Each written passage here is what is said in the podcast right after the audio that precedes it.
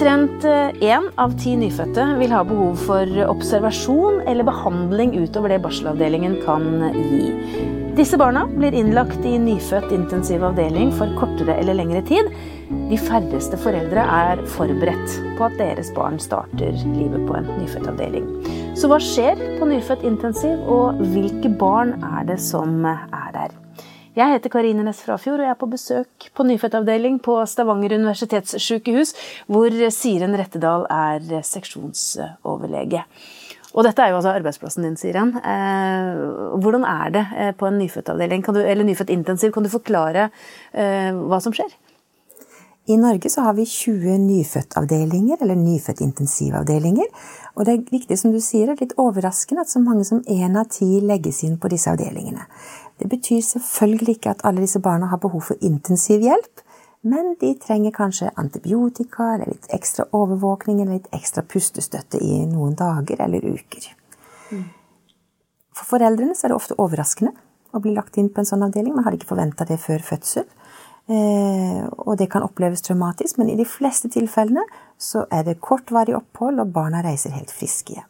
Så selv om det høres ut som det er en avdeling for virkelig syke barn, så trenger det ikke å være det. Intensiv er for meg et ord som er litt skremmende.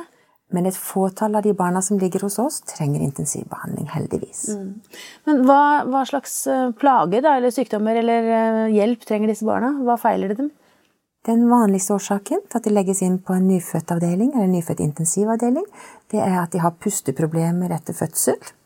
Eh, det kan være fordi de er født prematurt, eller det er forbigående etter keisersnitt eller etter vanlig fødsel. Prematuritet er en stor gruppe av de som ligger hos oss, og de blir ofte også liggende lenge. De kan bli liggende opp mot eh, termin før de kan reise hjem. En tredje gruppe kan være barn som har infeksjon eller økt risiko for infeksjon, så vi trenger å overvåke litt ekstra. Noen får antibiotika intravenøst i noen dager før de kan utskrives. I tillegg så har vi eh, noen få barn med medfødte misdannelser, men det er relativt sjeldent i Norge. Ja, For at det ville man ha oppdaget, da, eller? Mange av de med medfødte misdannelser blir eh, diagnostisert intrauterint, altså mens de ennå er i mors liv. Så der er foreldrene som regel forberedt, men ikke alltid. Ja. Så det, man kan faktisk eh, gå til fødsel og regne med at alt skal gå greit, og så ender barnet opp på, på intensiven likevel. Det stemmer. Ja. Det stemmer. Men eh, de som blir der lenger, la oss snakke litt om de, de premature, f.eks., som, som dere blir godt kjent med, skjønner jeg, fordi de er der en stund. Hva slags behandling får man på, på avdelingen? Ja, når man er født prematurt, så må man legge til rette for at de kan da få pustehjelpen de trenger, enten ved respirator eller det vi kaller en CPAP, som hjelper å holde lungene utspilt, så det er lettere for barna å puste. Eh, noen trenger også intravenøs næring, så de får innlagt en, en liten plastslange i en av årene sine og får tilført næring på det viset inntil de kan ta til seg brystmelk sjøl. Eh, I tillegg så eh, må de ofte holde på temperaturen, for de er tynn hud og lite fettvev. Så de taper fort temperatur, så de må da ofte ligge i kuvøse en periode før de kan ligge i vanlig seng. Mm. Hvordan er det å være foreldre til barn da, som er innlagt hos dere? Jeg tror mange foreldre opplever det veldig traumatisk, spesielt hvis ikke de har vært forberedte på forhånd. Eh, men vi prøver å legge til rette sånn at foreldrene skal trives best mulig. De har fri tilgang til avdelingen og kan være så mye de vil hos barnet sitt eh, hele døgnet om de ønsker. Mm. Noen avdelinger er jo så heldige at de har fått bygd avdelinger der de har foreldresenger i umiddelbar tilknytning til barnets kuvøse eller seng. Eh, mens eldreavdelinger de må ordne det så godt de kan med at det er stoler, stresslesser, ved siden av kuvøsene. Så det, man, man, kan være heldig eller uheldig uavhengig, eller avhengig av hvor man bor i, i landet, rett og slett? Ja, vi moderniserer nyfødtavdelingen så raskt som vi kan klare å få det til. Ja, men det, Er det en prioritert oppgave? Syns du det er viktig at, eh, at, det blir lagt til rette? Det er klart det er viktig. Vi vet det er viktig. vi, vet. vi vet fra studier at det er viktig at mor og barn og far og barn får være så mye sammen som mulig. Mm. Gjerne uh, i, hud, mot hudkontakt, altså KMC. Eh, Kenguru Eh, og, og, det legges det til rette for derfor når man bygger nye sykehus. Ja, Det må du forklare. Kangaroo Mother Care, hva er det for noe? Ja, eh, Det begynte i, for nesten 40-50 år siden i Colombia. Der det var en veldig høy dødelighet hos premature barn. Og i desperasjonen av mangel på utstyr og store dødelighet, så valgte man å legge noen av disse prematurene hud mot hud med foreldrene. Og så oppdaga man til sin eh, overraskelse at flere av de barna som lå hud mot hud, sammenlignet med de som lå i kuvøsen, overlevde. Uh, og man vet i dag at det er en 40 overlevelse når man ligger hud mot hud for, for premature barn, sammenlignet med de som ligger i kuvøse eller seng på verdensbasis. Det høres så enkelt ut. Ja, altså At hud mot hud skal redde liv. Men hvorfor er det sånn? Hvorfor redder det liv? Jo, det er fordi at da ligger barna eh, hos foreldrene og holder seg varme sammenligna med gjerne kalde nyfødtavdelinger. Eh, og i tillegg så får de nær tilgang til morsmelken, som jo er som medisin for et prematurt barn. Mm.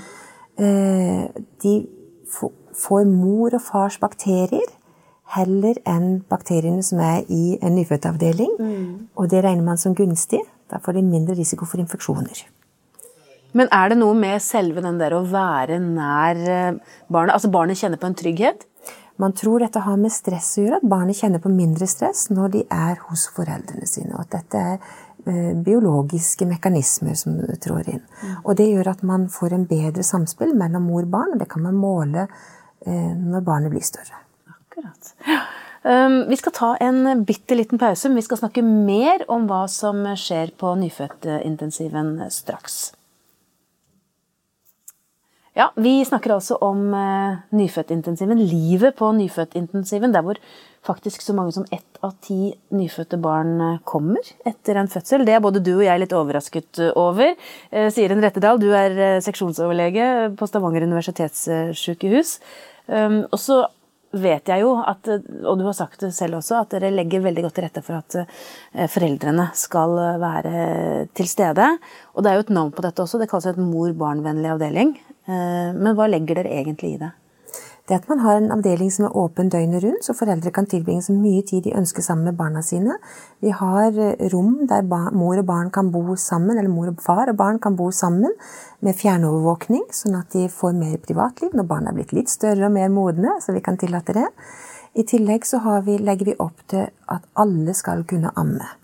Det legges mye eh, krefter ned i at man skal få til ammingen selv for prematur og kritisk syke barn. Men hvordan klarer man det? Mange sliter jo med ammingen i utgangspunktet, men hvis, hvis man må pumpe seg f.eks. fra starten, eh, høres ut som det ikke nødvendigvis er så veldig enkelt? Det kan være vanskelig å klare å holde på melken for en mor der man har et kritisk sykt barn.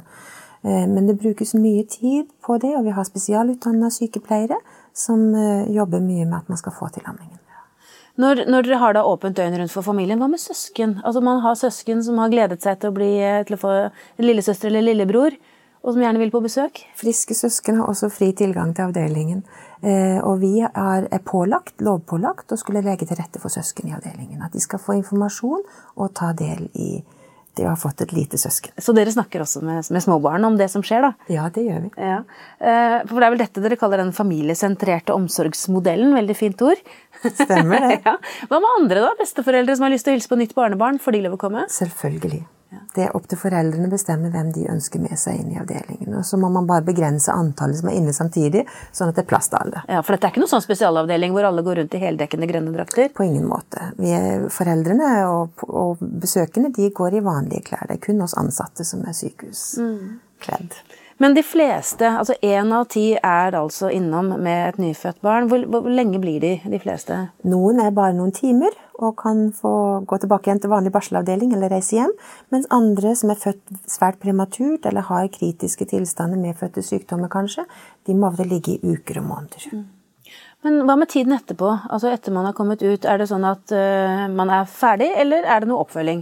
De fleste er jo friske når de reiser ut av vår avdeling og skal bare følges ved vanlige helsestasjonskontroller. Og så er det noen risikogrupper, sånn som de som er født ekstremt prematurt før uke 28. Eksempel, de skal følges opp i poliklinikken fram til femårsalder. Så nå føler jeg egentlig at du har avmystifisert eh, hele nyfødtintensiven, for, eh, for det er jo ikke så skummelt som det høres ut. For de fleste så er det ikke det. Tusen takk skal du ha, sier en Rettedal, som altså er eh, seksjonsoverlege på Stavanger universitetssykehus og nyfødtintensiven der. Hvis du lurer på mer om dette temaet, finner du mange artikler på babyverden.no og diskusjoner med andre i Babyverdens forum. Hvis du ikke allerede har lastet ned appen vår, Gravid og barn, så anbefaler jeg deg å gjøre det med en gang, så kan du følge utviklingen til barnet ditt dag for dag og uke for uke. Siden du er opptatt av graviditet og barn, kan det også være lurt å abonnere på Babyverdens podkast, så får du nye episoder automatisk hver uke. Det er også vi som lager podkastserien Gravid uke for uke. Den bør du også få med deg hvis du har barn i magen. Har du kommentarer eller et tema du ønsker at vi skal belyse, så kan du sende en e-post til podkast at babyverden.no. Men husk at vi som lager denne podkasten er journalister og ikke helsepersonell. Så hvis du har medisinske spørsmål, må du ta kontakt med jordmor eller fastlegen din. Ha det godt til vi høres igjen.